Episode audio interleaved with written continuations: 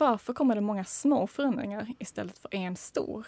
Hur kommer man fram till vad som ska utvecklas i Ladok och hur går det rent konkret till? Välkomna till Ladok-podden, podden för oss som jobbar i och med Ladok.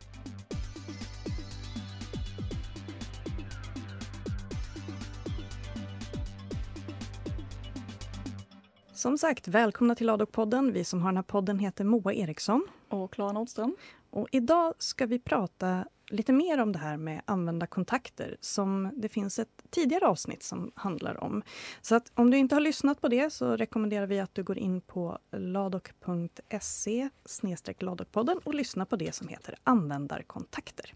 Nu ska vi nämligen dra ett konkret exempel på hur vi har jobbat med användarkontakter inom ett specifikt behovsområde. Och det här området är aktivitetstillfällen. Och det här var ju ett arbete som vi drog igång våren 2021 och började jobba med. Och när du säger att vi drog igång, eh, aktivitetstillfällen har ju funnits i systemet länge, men vad menar vi just nu med att vi drog igång? Jo, men då tog vi ett litet omtag och så kikade vi på de önskemål som kommit in från användare på lärosätet som alltså skickat in via deras support. Och vi samlade ihop det och försökte se några samband mellan de önskemål som kommit in och försökte hitta saker som vi kunde lösa snabbt. Och vissa saker hittade vi ju. Ett exempel på det är det här med kopiera aktivitetstillfälle. Precis. Vi märkte att det var många användare som satt och la upp många liknande aktivitetstillfällen efter varandra. Så då gjorde vi en funktion så att man skulle kunna kopiera ett man redan gjort så att vi sparar lite tid där. Så vi hade vissa saker som vi gjorde fort men sen hade vi ju andra saker. Så att i oktober 2021 så tog vi ett steg till med Precis. det här. Då tog vi upp kontakt med våra pilotlärosäten som vi jobbar ganska så tätt tillsammans med. Så då skickade vi ut en enkät till deras användare för att lära känna dem lite bättre. Hur de jobbar i Ladok och vad de tycker om att lägga upp nya aktivitetstillfällen i Ladok. Och efter det då, vad var liksom nästa steg i den här processen? Ja, men då var nästa steg att vi skulle intervjua personer för att komma lite mer på djupet och se hur de arbetade. Så i nästa steg här när vi skulle göra intervjuer så hade Anna Nylander, som vi pratade med i det här tidigare avsnittet vi pratade om, användarkontakter. Då hade hon kommit in i teamet så att nu kommer vi tillbaka till Anna.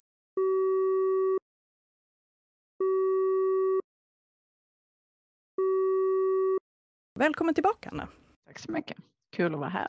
Och nu är vi ju framme i november 2021 i vår lilla historia om aktivitetstillfällen. Så då har vi precis haft ute en enkät och ska nu börja på en intervju. Vad var då syftet med de här intervjuerna?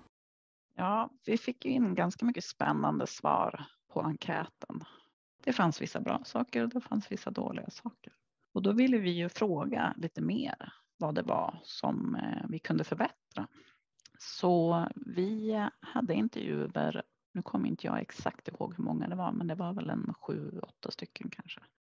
Som vi bad utföra sina vanliga arbetsuppgifter för att skapa ett nytt aktivitetstillfälle. Så tittade vi lite hur de gjorde och ställde frågor under tiden för att eh, ja, om det var något de eh, såg osäkra på eller om det var tydligt och lite olika typer av frågor. Och då fick vi ju en ganska bra bild över vad det var som eh, saknades och vad som kunde förbättras. Och det har vi personer från olika lärosäten som vi pratade med då. Kunde man säga att det var lika på de olika lärosätena, det man saknade och det man tyckte var svårt? Man kunde se en röd tråd, kunde man göra.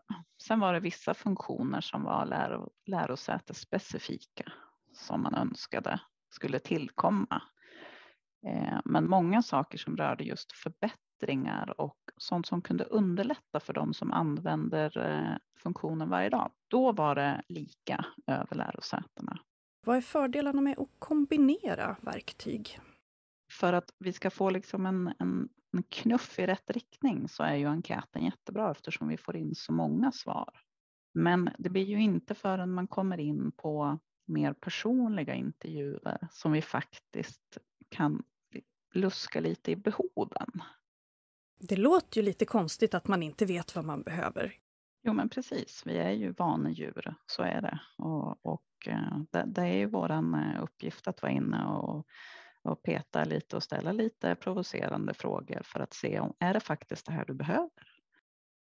Och hur kommer vi sen, när vi liksom börjar koka ner behoven, hur kommer vi då från det till att det faktiskt händer något i Ladok? Då behöver man ju sätta sig ner och, och, fundera. Vad är det vi ska göra för någonting? Vad är tekniskt möjligt? Vad vill vi ha eh, från eh, verksamheten? Det kanske finns massa lagar och regler man måste ta hänsyn till som inte en utvecklare eller en, en UX-person vet någonting om. Så att man måste samarbeta och eh, då bollar vi lite förslag fram och tillbaka. Och ibland så kan man behöva gå ut igen och prata med användaren och fråga, tycker ni att det här verkar vettigt? Det är som ett litet fint hjul där som man, eh, man kan snurra runt i ett tag innan vi faktiskt släpper någonting i Ladok. Det var ju lite det som hände med eh, aktivitetstillfällen efter intervjuerna. För vi gick tillbaka till ritbordet och tog fram ett nytt utseende på den här sidan där man söker fram redan skapade aktivitetstillfällen. Och sen så i februari 2022 så gick vi ut i en ny omgång med användarstudier där vi träffade användare igen. Eh, och då hade vi den här nya söksidan som användaren då fick testa och klicka runt i och se hur det faktiskt funkade på riktigt. Hur ser det ut för dig då som håller i de här intervjuerna? Vad behöver du tänka på när du presenterar en sån här vy som ser ganska färdig ut för en användare? Ja, det beror ju lite på hur, hur färdig den är, men tror att det absolut viktigaste är ju att vi har en plan. Vad det är vi ska testa? Vad är målet med den här intervjun? Vi vill gärna bara ställa öppna frågor, inte att man föreslår någonting och sen ett svar utan att eh, man får tänka själv och fundera. Och eh, också väldigt viktigt att inte stressa den här personen som sitter här utan den, den måste få tid att tänka själv. Och att det är helt okej okay, att det tar lite tid att fundera. Varför levererade vi inte bara? Vi hade kommit fram till ett förslag här. Vi hade ju någonting som vi hade utvecklat. Varför behövde vi fråga igen? Räckte inte de första intervjuerna? Eftersom det är ganska många användare och det är ett viktigt system så vill vi ju inte släppa ut någonting som användarna blir missnöjda med utan ibland vill man faktiskt ha både livrem och hängslen och då är det värt att prata en gång till med de som ska använda systemet. Det är ganska mycket användarkontakter, det är olika typer av användarkontakter. Och sen så kommer vi liksom tillbaka och så släpper vi något och sen så gör vi användarkontakter igen. Kommer man aldrig till en punkt när vi är klara? Nej, det tycker jag inte. Man brukar prata om good enough, där man gör en prioritering över. Hur många användare är det som använder det? Hur bra går det? Är alla nöjda? Nej, kanske inte. Behöver vi hjälpa alla? Jo, absolut i den perfekta världen, men det kommer vara svårt. Och då kan man ju säga att just nu är vi nöjda, men vi kommer att fortsätta att titta på det här och får vi in förslag så tar man upp eh, vidareutvecklingen en gång till. Så att det kan ju gå i skov där man kanske under en femårsperiod ändrar samma funktion eller samma produkt mm, tre, fyra gånger.